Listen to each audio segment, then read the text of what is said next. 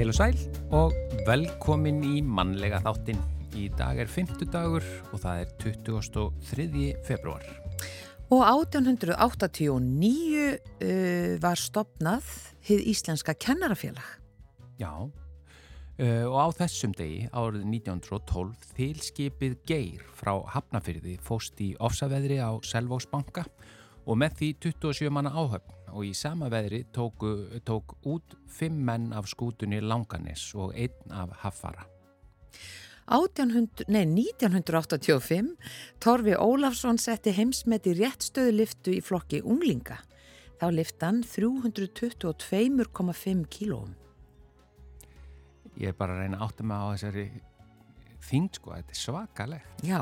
322,5, já, já. En, en það var þetta heimsmet. já.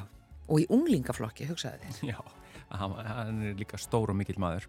Skutógarinn Krossnes frá Grundafyrði sökk á halamiðum á þessum degi árið 1992. Þrýr fórust en nýju var bjargað og þetta var fyrsti íslenski skutógarinn sem sökk. Og svo var það versti kalimavindur sem gekk yfir Kanaríegar síðustu 40 ára. Þetta var e, 2020. Öllum flugvöllum eigana var lokað í þrjá daga. Já, þannig að það margir Íslendingar á Kanaríegjum og Tenerife að þetta lítur hafa komið við ferðablun hjá mörgum. Já, ekki spurning. Já. Já, við ætlum að e, tala um dáleyslu í dag. Sara Pálsdóttur og Ástís Olsen dáleiðarar, þær verða í þættinum okkar og segja okkur frá hvernig dáleysla getur umbreytt og heilað og hvernig hægt sé að uppræta vandamál og þær tala um kraftaverka byrtingu undir meðutundinar. Já og við höfum verið að fjalla talsett um áföll uh, og afleðingar þeirra undanfarið í þættinum og í dag ætlar Þorstein Guðmundsson, góð kunningi þáttarins að koma til okkar en hann er sálfræðingur hjá áfalla og sálfræði miðstöðinni og sinnir þar greiningu og sálfræðilegri meðferð fullorðina. Hans meistararítger fjallaði um alþjóðlega rannsókn á inngripi við áleitnum endurminningum í áfalla streitur öskun og í starfi sínu veitir hann fólki með áfallastreitu röskun og áfallastreitu enginni meðferð. Og við fáum Þorsten til að segja okkur aðeins frekar frá þessu hér á eftir. Svo erum við í sæjunni Þorstensdóttur selloleikara, hún býr og starfar í bandaríkjunum en hefur verið að spila með stærstu hljómsveitum heims í þekktustu tónlistarhúsum heims. Og hún er svo kallaður staðarlistamaður Sinfoníu hljómsveitar Íslands og mun spila á tvennum tónleikum með hljómsveitinni núna framöndan meira Já. um þetta hér á eftir. Við byrjum á tónlist eins og alltaf, uh, þetta eru hjálmar uh, og lagið Borð fyrir tvo.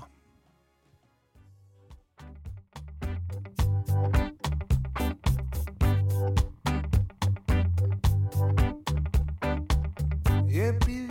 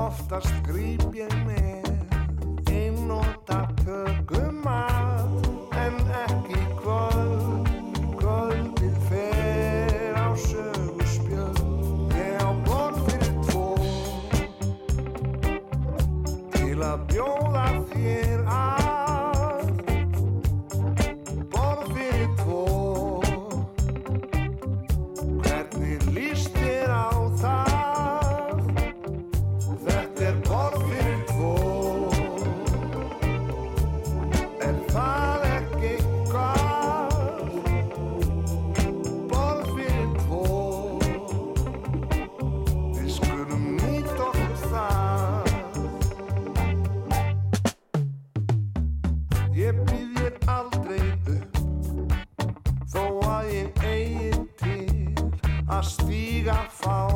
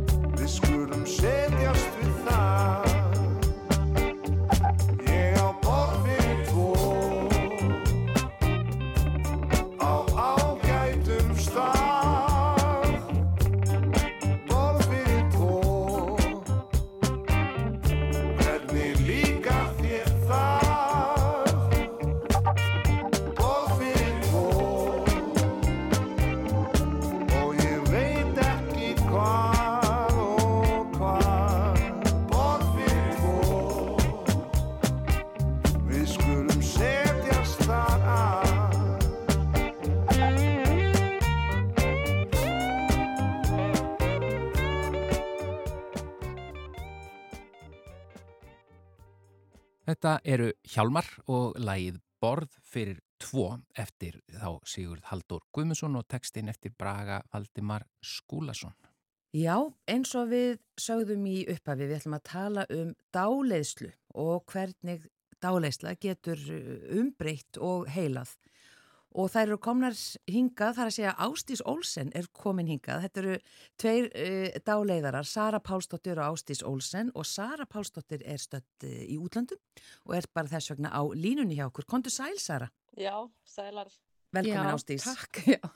í eigin personu og uh, við vorum með mitt að tala um þetta hér í upphafi að, að, að dáleysla er í rauninni eins og þið segi djúb og þægileg slökun drömkjent ástand og, og, og það er hægt að fá uh, þessa merkilegu undir meðvitund svona til þess að stíga fram, getur við sagt, og uppræta vandamál. Ef, ef við kannski bara byrjum á því að heyra hvað er dáleysla? Sara?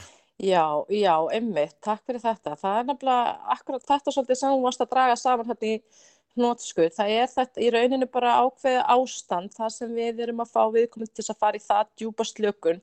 Að við náum svona aðeins að fá meðvitundina til að stíja til hlýðar og opna á undirmeðvitundina.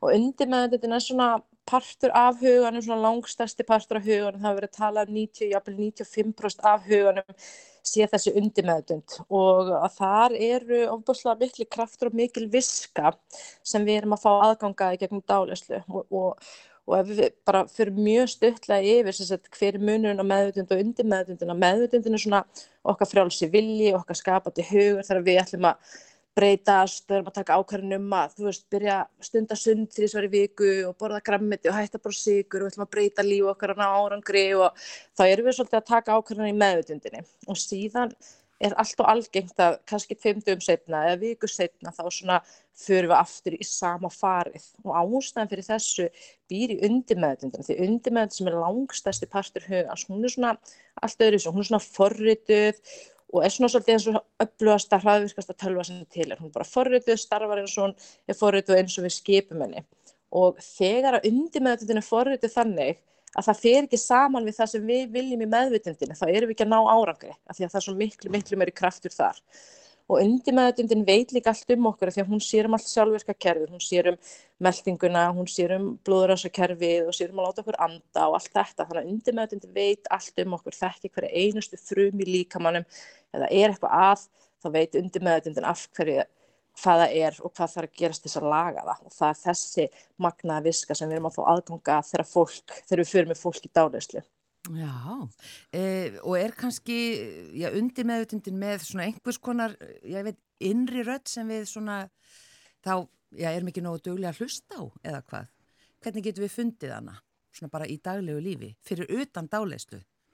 Já, akkurat. Og það er náttúrulega, þetta er ótrúlega góð spurning og eitthvað sem ég var svo ofta velkast í vafa um þetta áður fyrir því áður fyrir þá glýmdi ég við kvíða og, og alls konar sjúkdóma eins og átröskun og, og, hérna, og fíkn og margusli veikindi.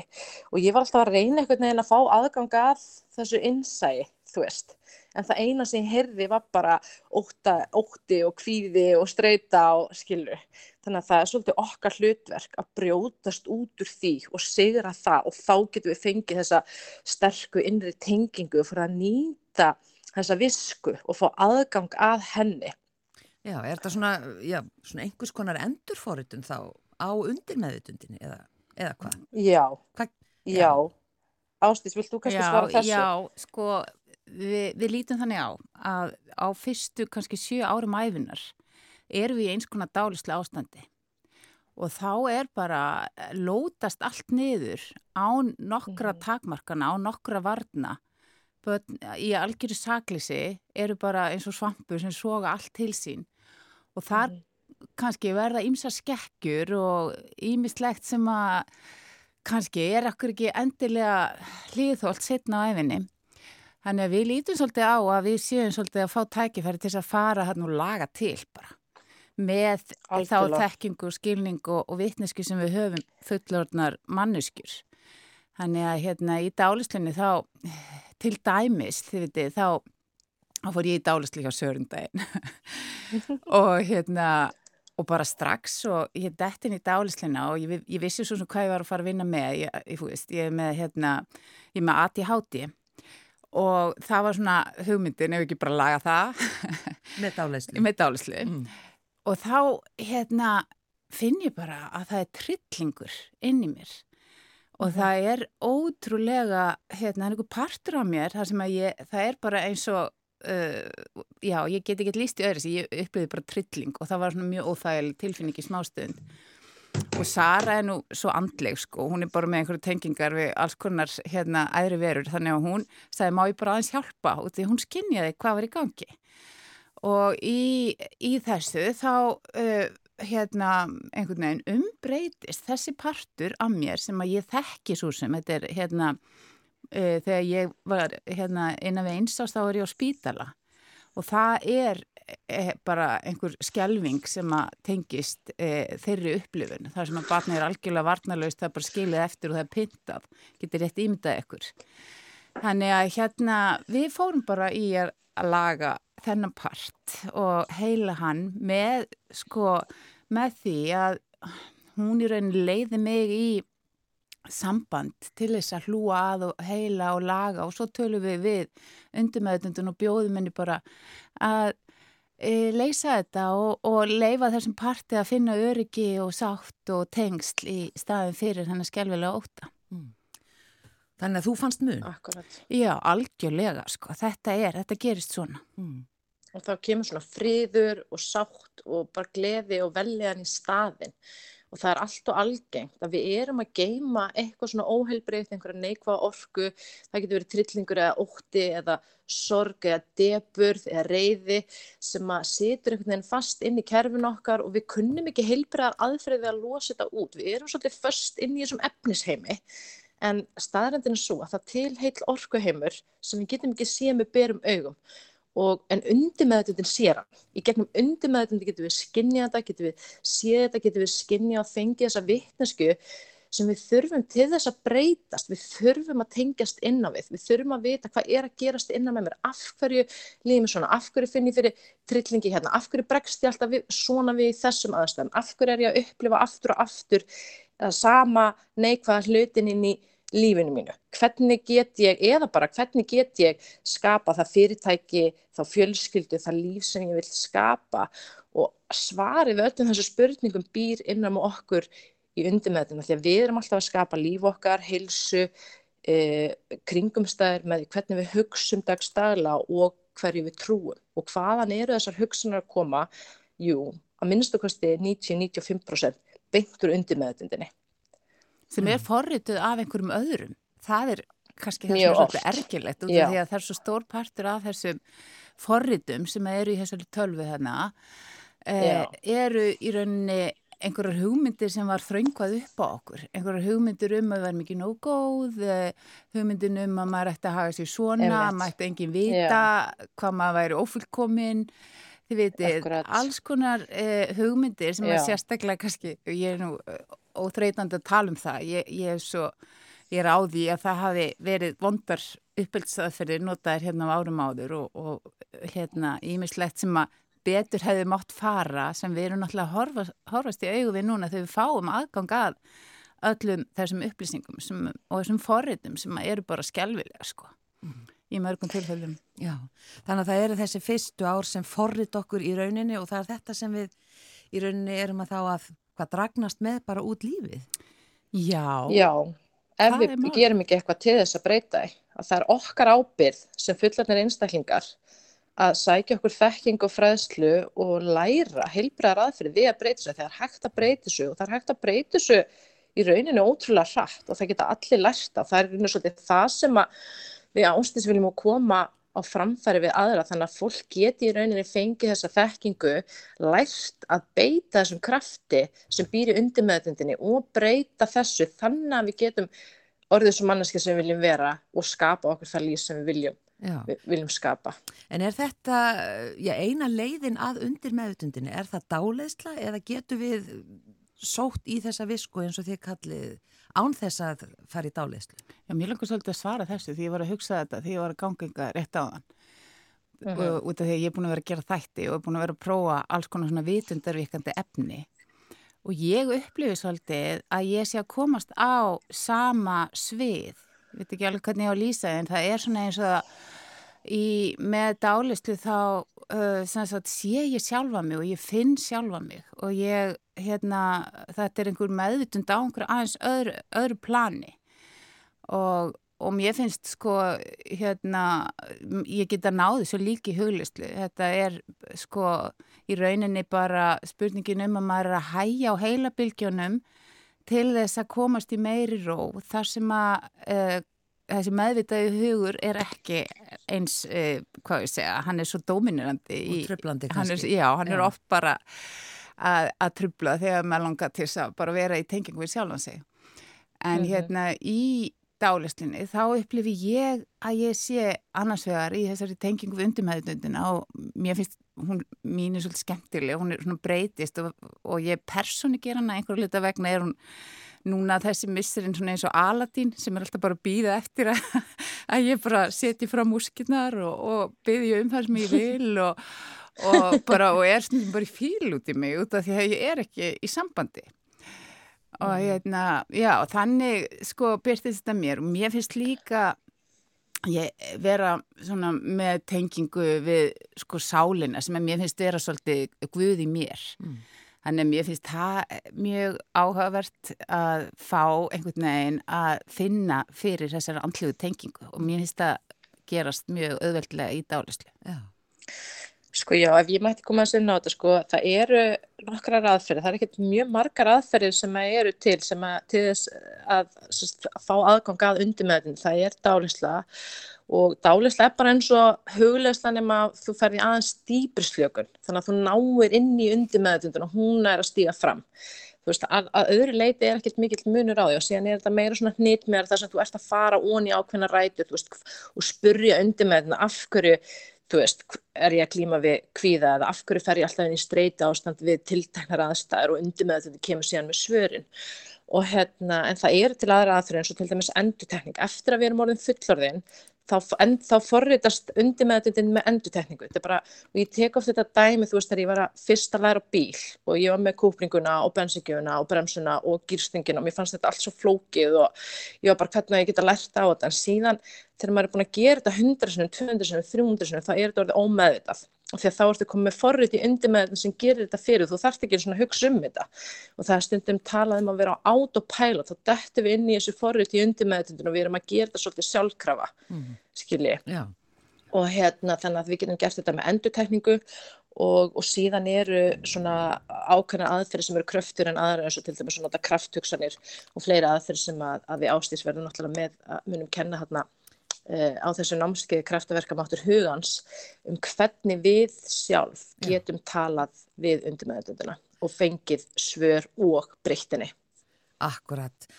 Já, ágetist bara endir því að ætliðið mitt að kenna fólki eða já, sem sagt fara með fólki í svona ákveðið hugarferðalag getur við sagt með þessu námskeið kraftaverkamáttur hugans sem er mhm. dáleislu námskeið með ykkur tveimur og uh, það er núna 7. mars Þannig að hvar getur fólk, ef að bara fólk kveikir á þessu og vil fara í þetta ferðala með ykkur, hvert getur það Já. leitað? Já, Viðbjörðun er eh, seldur inn á tix.is, eh, skástrík dáleysla, þannig að fólk getur skoða það, fengið upplýsningar það. Svo erum við með hópa Facebook sem heitir Kraftaverkum áttur hugans, dáleyslu námskeið, við erum með upplýsningar það líka. Svo líka hægt að senda okkur bara tölvupost til dæmis á saratlausnir.is ef fólk vil spyrja, spyrja eitthvað út í þetta. Mm. En það er einmitt þetta sem að, þú veist, þetta er fyrir, svona, fyrir kannski þá sem eru bara búin að ná ágætlega langt í lífunu, búin að koma sér vel fyrir en vilja bara einhvern veginn fá þessi öllu tækja tól, þeir vilja kynnast sjálfum sér undir með þetta betur, hvernig geta þeir farið inn undir með þetta, hvernig geta þeir breytt því sem þeir vilja breyta og ná þeim áragar sem þeir vilja ná með öðrum orðum bara orðið svo manneskja sem að þú vilt vera og farið að lifa því lífi sem þú vilt lifa. Mm. Kæra þakkir fyrir komina í mannlega þáttin ósköp hérna áhugaverst að heyra þetta. Dálegararnir dáleiðararnir Sara Pálsdóttir og Ástís Olsen. Takk fyrir komuna og gangi ykkur vel. Kæra þakkir. Takk, Kæra þakkir fyrir að bjóða okkur. Takk.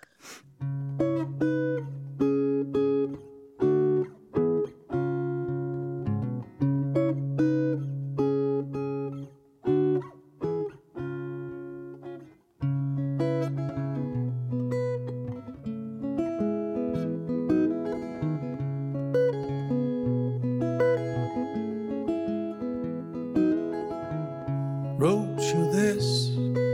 I hope you got it safe. It's been so long, I don't know what to say. I've traveled round through deserts on my horse, but jokes aside, I wanna come back home. You know, that night I said I had to go. Said you'd meet me on the sunny road. It's time, meet me on the sunny road. It's time, meet me on the sunny road.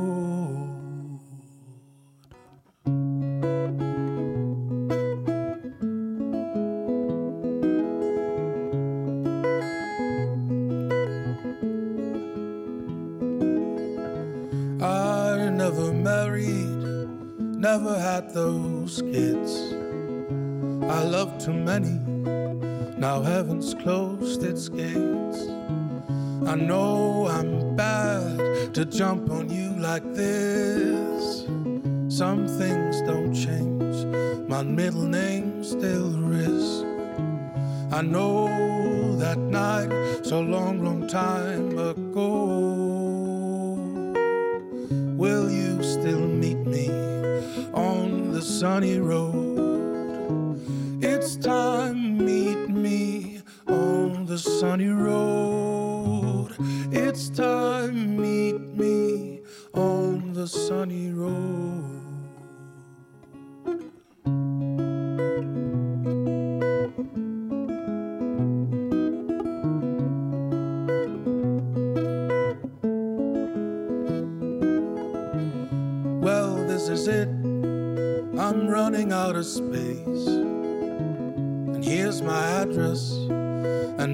Just in case. This time as one, we'll find which way to go. Now come and meet me on the sunny road. Já, þetta er lagið Sunny Road.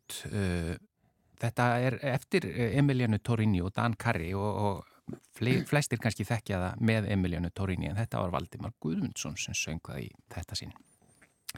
En það er ekki Valdimar Guðmundsson, heldur Þorstedt Guðmundsson sem er komin hérna og setur á mótið mér. Ég kallaði í kynningunni góðkunningi þáttarins. Já, það, það hljómað vel. Já, ja. þú varst alltaf komst til okkar reglulega og, og með alls konar áhugaverðar hluti. Já. Eh, og þú ert eh, sálfræðingur og vinnur hjá áfalla og sálfræðimiðstuðin og ég, mm -hmm. er, við erum búin að vera fjallum í þættinum ansi mikið undanfarið um áföll Já, og afleiðingar einnig. áfalla og, og meðferðir. Já. Þar kemur þú akkurat til sögunar. Ég er svona á gólfinu. Já. Uh, eins og Andri vinnu minn sem var síðast hjá okkur, hann er, hann er náttúrulega alveg sérfræðingur í rannsóknunum og, og svona, þó hann sé líka sálfræðingur á gólfinu. Já, Andri S. Björnsson sem Andri var sérfræðingur, professor.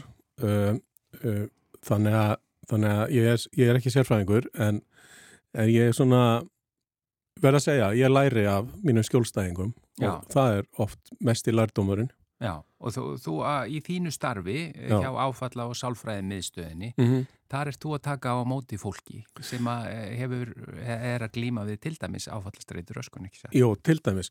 Um, ég, ég held að áfall séu svolítið stór þáttur af okkar starfi, mm. um, þó svo við séum með alls konar mál, en, en ég held að líði vallast að dagur að ég kom ekki eitthvað inn á áfall eða áfallastreitur öskun hjá fólki, sko. Já.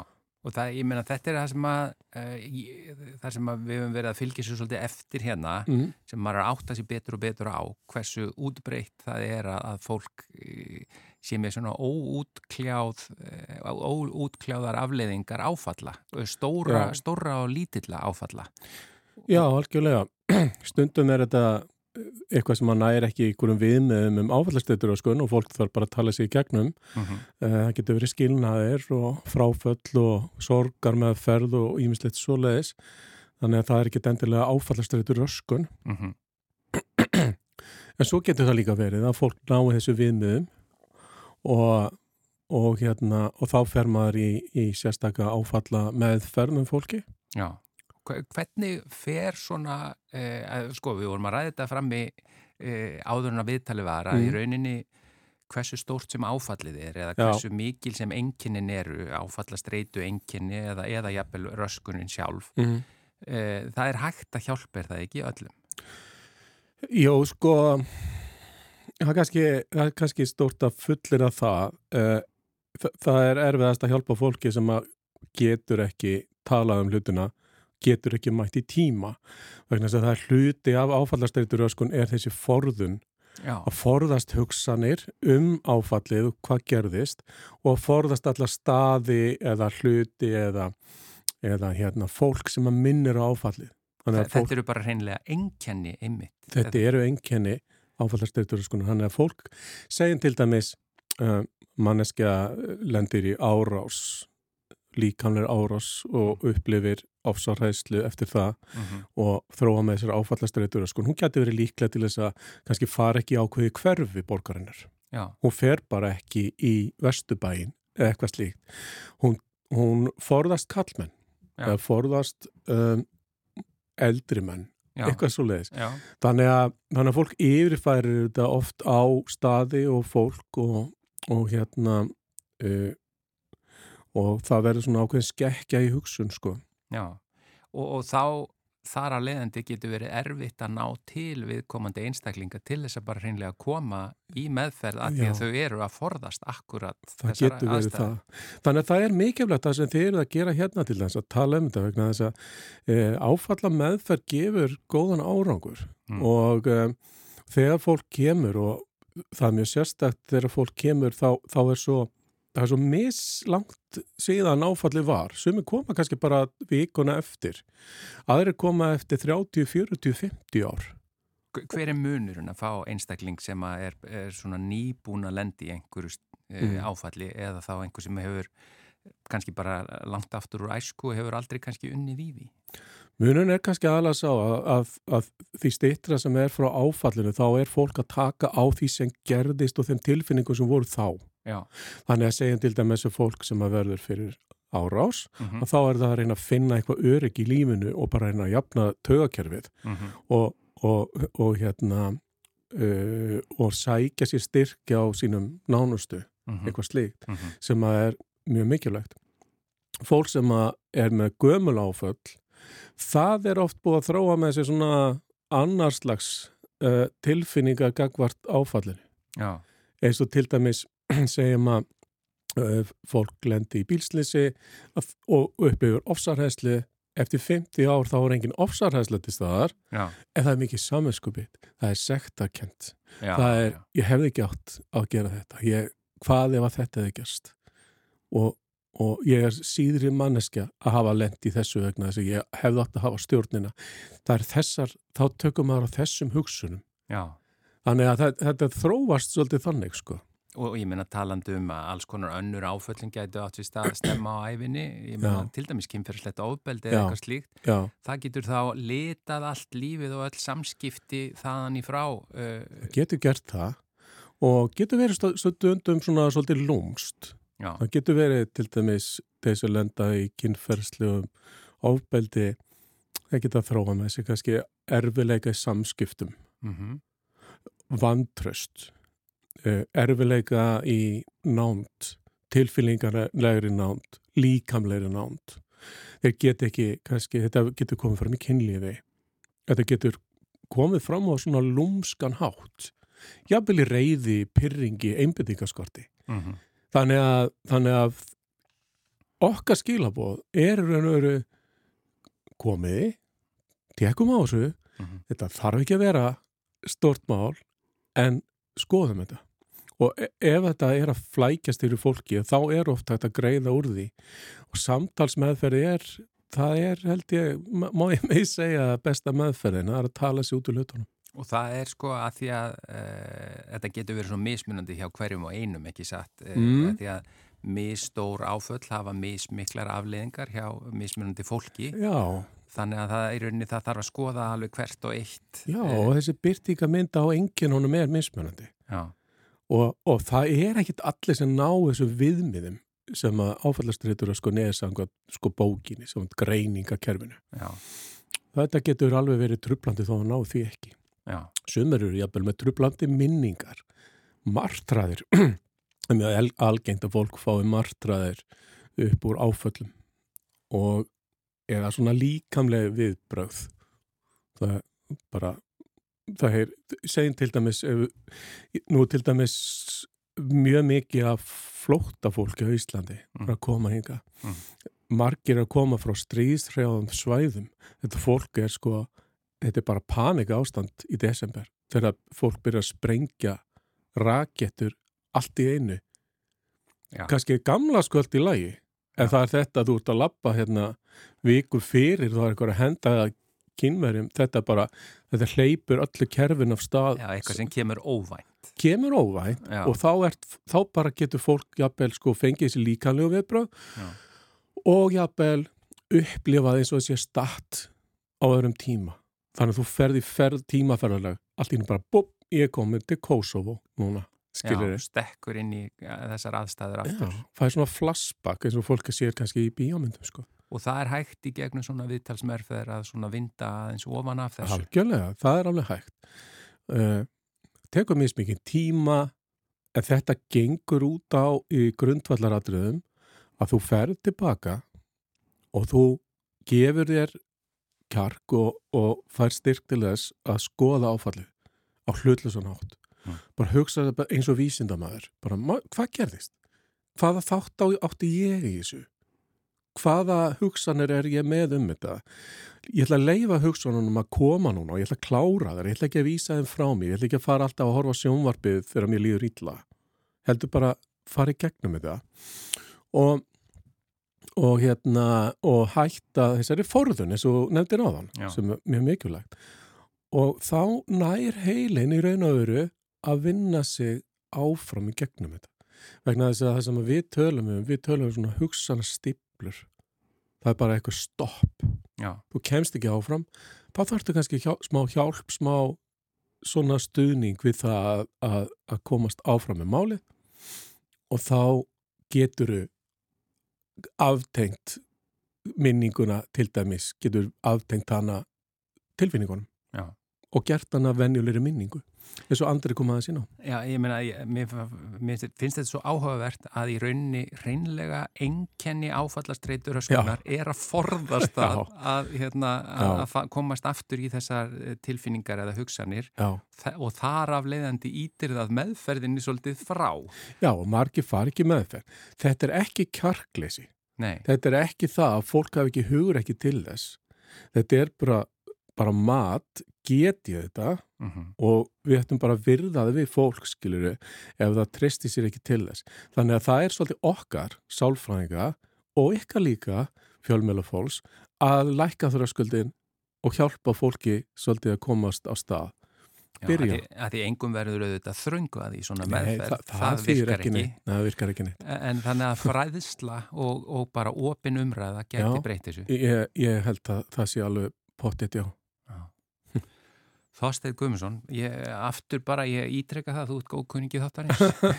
já. En takk hjálpa fyrir þetta. Það er mikil heiður. Vi, við erum ekki hægt að fjalla um áföll og afleðingar. Nei, bara takk fyrir það og gangi ykkur vel með það. Takk einlega fyrir komina.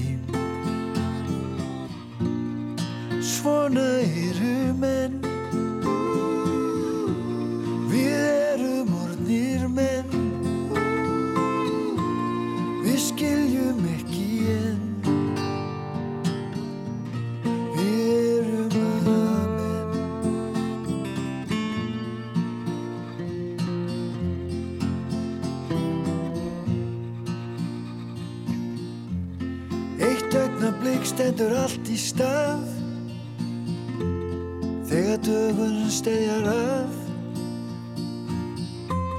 Ég var lengi burtu þessa stuttu stund.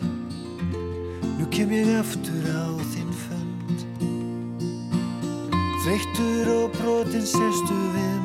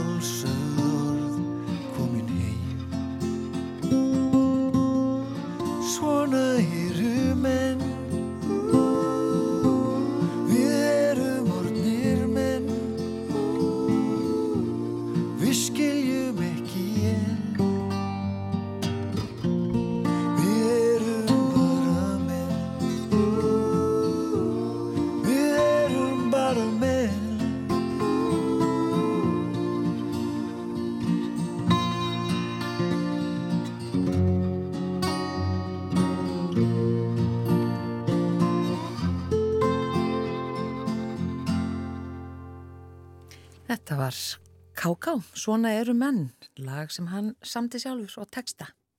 Já, og texti. Uh, og þannig að heyrðu við aðeins röttina í sæjunni Þorstensdóttur, selóleikara, uh, kontu sæl og blessuð.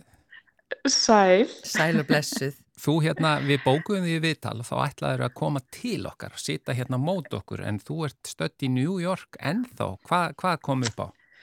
Já, ég er að vísu sko stödd í Cincinnati en Nú? þá, ég komst einu snukki til New York eftir allt þetta. Já, þetta er flókið að vera með selló nefnilega og ferðast. Já, segð okkur frá því. Já, sko ég náttúrulega uh, spila út um allan heim og fer alltaf með sellóið við hliðin, eða fæ alltaf sæti við hliðin á mér. Og þarf að fara í gegnum sko öryggis hérna uh, TSA hérna dótið hérna úti alltaf. Já, allt þetta öryggistæmi sem við þekkjum sem Já, og hérna venjulega er þetta svona frekar einfalt, þetta fer bara í gegnum hérna með töskunum og skónum og öllu. Nema hvað, það er konar nýja, hérna, nýjar tölfur eða nýtt tæki þannig, og sælóða kemst ekki í gegn. Hmm. þannig að ég var kortið er og svona pínu tæp ég þurfti að snúa við og ná í vegabreið þannig að þau kannski skinnjuðu það að ég var svona kannski aðeins stressuð og svo sé ég þessar nýtt þessar, já, þetta nýtt tæki og ég fyrir svona aðeins að já, hvað gerir þau þá? Þá takaðu sellóið að mér og vilja opna það og svona. Og hérna þau hefa aldrei séð selló áður og eru svona aðeins að spyrja sko hvað er þetta og það bara eitt og eftir öðru sko það kemur, já, kvítuft hvað er þetta? Já, það er mirra sem ég nota á bógan og það var það demparinn og wow. það voru fimm manns kominn og þú veist, ég líti alltaf á klukkuna og og verð stressaður og stressaðri og þá náttúrulega hérna fara þau enn hægar og vilja rannsaka allt og þannig að þetta var svona pínu hérna leiðinlegt bara að ég rétt uh, náði ekki að komast koma hlýðinu bara rétt, já En það, en það er sem sagt þannig þá bara að verandi svona hljóðfærileikari á, á þessum e, skala eins og þú e, með svona dýrt og mikið hljóðfæri þá verður að panta sæti fyrir hljóðfærið. Já, ég heila treyst ekki á það, ég bæði sko treyst ekki á það að setja sko í sko undir Já. og pluss það að stundum er náttúrulega flugfræðinar mjög sko bara liðtakar og vilja hjálpa og allt það en ég get ekki treyst á það að það er hafa plás í skápnum eða eitthvað svolítið þannig að ég kaupi bara alltaf sæti því að ja. það þýðir ekkit fyrir mig að vera komin og vera ekki með hljófari á tónleikana? Nei, þannig að þetta er dýrt ferðalega það fyrir alltaf að kaupa auka sæti fyrir hljófari en nöðsynlegt eins og þú segir. Og, og hversu verðmætt er já, þitt hljófari til dæmis? Þetta, það er náttúrulega kostar slatta en það er kannski verðmættara því að það er svo gamalt og það er ekki tægt að bara búa til nýtt svona nákvæmlega eins. Þetta er ekki svona versmiðju hljófæri þannig að það er svona mest það að, að já, ég segja kannski líka að þetta er svona allt eins og Harry Potter með sprótana þú veist, þau velja mann en ekki, þú veist, ég sem velja það já. þannig að þetta er svona pínu, svona persónulegt líka já. þannig að þótt að ég kannski myndi fá þú veist hérna, tryggingar fyrir þetta þá, þá er þetta meira svona kannski persónulegt. Já, þetta er einstakt hljóðfæri og verður ekki já, bætt í rauninni. Já. En ja, þetta er áhugaverð samlíking við Harry Potter því að það, hérna, þú myndir ekki eh, einhvað annað þó það væri dýrt og fínt sel og þá er það ekki þitt sel og ekki sem að eins og... Ymmitt. En, en þú ert sem sagt á leiðinni til landsins eh, og kemur Já. þá einum degi síðar og, og þú ert, ert svo kallega staðarlistamæður symfóníuhljómsdarinnar. Eh, þú ert búin að vera að spila þetta út um allan heim með bara stæstu hljómsettum í heiminum og stæstu og virtustu hérna, og frægustu tónle, tónleika húsum og býrði í bandaríkjanum. Hva, hvað Já. hérna ert að fara að spila fyrir okkur hér á Íslandi? Ég er að fara að spila Bach, þrjár svítur eftir Bach fyrir einlegsaló og svo valdi ég svona tvö nýri verk til að, að svona aðeins upplýsa bak aðeins svona í nútíman með þannig að það er eftir Benjamin Britten og svo nýtt verk eða svona ég segi nýtt 2017 eftir hana Þurriði Jónsdóttir Já, já, og þetta verður, þetta er svona tveir mismundi tónleikar og það er alveg næstu, eða rúmi mánuður á millið, eða ekki? Já, sagt, þetta voru þessi tónleikar sem eru núna á sunnudaginn Já. sem ég er að spila bakk og, og sem eru bara einleistólkar og svo kem ég aftur í mars að, og þá spila ég með hljómsutinni og þá hérna ætla ég að spila uh, einleik í koncertum eftir uh, Dimitri Sostakovits fyrsta salvakoncertin hans Og hvernig, og myndu ná til landsins í tæka tíð?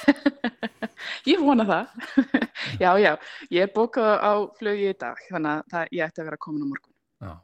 En hvernig er að eftir að hafa spila með sko Fílharmölju hljómsveit Los Angeles og Sinfoni hljómsveit Breska Ríkis Útarsvins og fleiri og fleiri og er, hvernig er að koma heim og spila með Sinfo hér?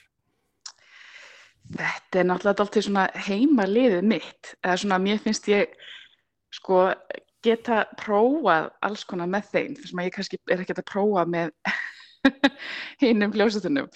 Og hérna þau eru náttúrulega bara til í svo mikið og, og það er alltaf svo gaman einhvern veginn að koma aftur og, og mér finn bara svo eitthvað, mér finnst ég bara ég heima á Íslandi. Þannig að þetta er svona mjög góð tilfinning að vera að koma og líka að spila í Elborg er bara draumur. Það er bara, þetta er svo æðislegt hús. Eftir að hafa Já, spilað í Carnegie Hall og svona, er, er það, þetta stennst vel samanburði? Já, mér finnst það. Líka bara andin einhvern veginn í húsinu er svo góður og, og, og alltaf hvert hús hefur svona sinn hljómburð og, og, og náttúrulega kann ekki holið er æðislegur en, en þetta er svona já, fer mér kannski betur. Já, en að því þú ert búin að vera að spila með bæði stórum sveitum út um allan heim og svo kammer uh, líka, ertu, ertu með fastan stað, hvar býrðu og hvar er svona, uh, og ertu bara svolítið mikið á flakki eða? Þetta er búin að vera svolítið mikið flakk svona síðustu tíu árin, eða svona en ég bý núna í Cincinnati, ég er professor við tónlistarhálskólan hér. Þannig að ég kenni á selló hérna. En svona inn á milli er ég, já, að, að spila. Ég er búin að vera að reyna að svona gera minna. Það er svona átakið að, að reyna að, að slappa þess af já. inn á milli. Það gengur ekkert sérstaklega vel en kannski fer þetta að koma núna. En talandum að gera minna, því nú fegstu smá tækifæri eins og heila bara heimsbyðin í COVID þá, þá hérna eh, og sérstaklega fólk sem er að koma fram kannski, það var lítið um, um tónleika og annað slíkt, en þá komst, komst þú til Íslands og þú gerði nú ansi margt bara á einum degi, er það ekki?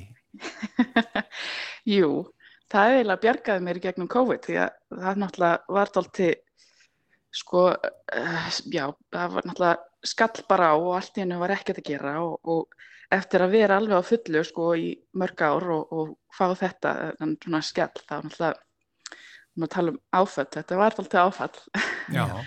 Og, og hérna þá var svo einhvern veginn gott að hafa svona uh, já, prójekt sem að, að ég gætt gert einn sem voru þessar baksvítur, við vorum að vísu búin að hérna, plana þetta sko fyrr en, en þetta var í rauninni það eina sem að, sko, við gátum gert því að allt í bandarækjunum var bara hætt við Já.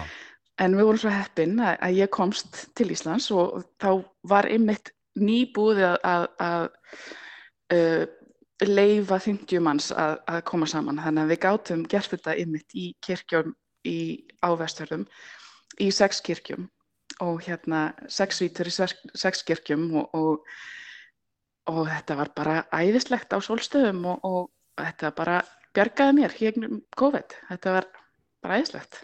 Já, svo hefur gefið þessar svítur út eða ekki líka á, á e, plötu? Það er að koma Nú það er að koma, já Já, það er, það er ekki komna það er aftur að vera komnar núna í janúar en það var pínu senkun á þeim þannig að þau, það er koma út öruglega í júni Já. Nú er það nýja dagsendingin. Já, hlökkum til að heyra.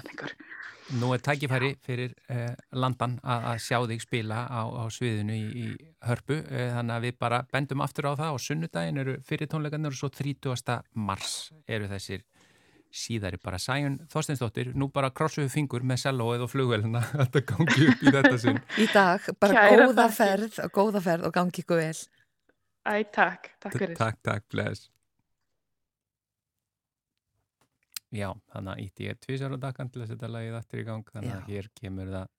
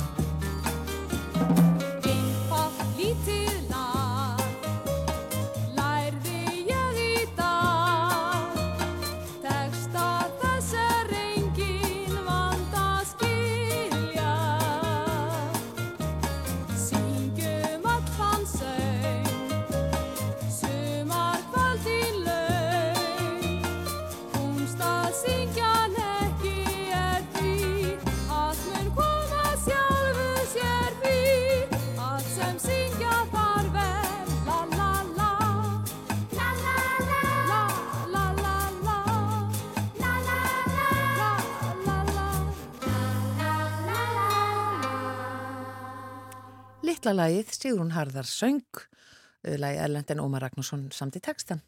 Já, þetta var loka lagið í þættinum í dag. Á morgun þá er bara förstaskestur og matarspjall. Já, og förstaskesturinn er Þorvaldur Davíð Kristjánsson og matarspjallið verður frá París. Sko. Úlala. Þannig að það bara við þökkum innlega fyrir samfélgin í dag. Verði sæl.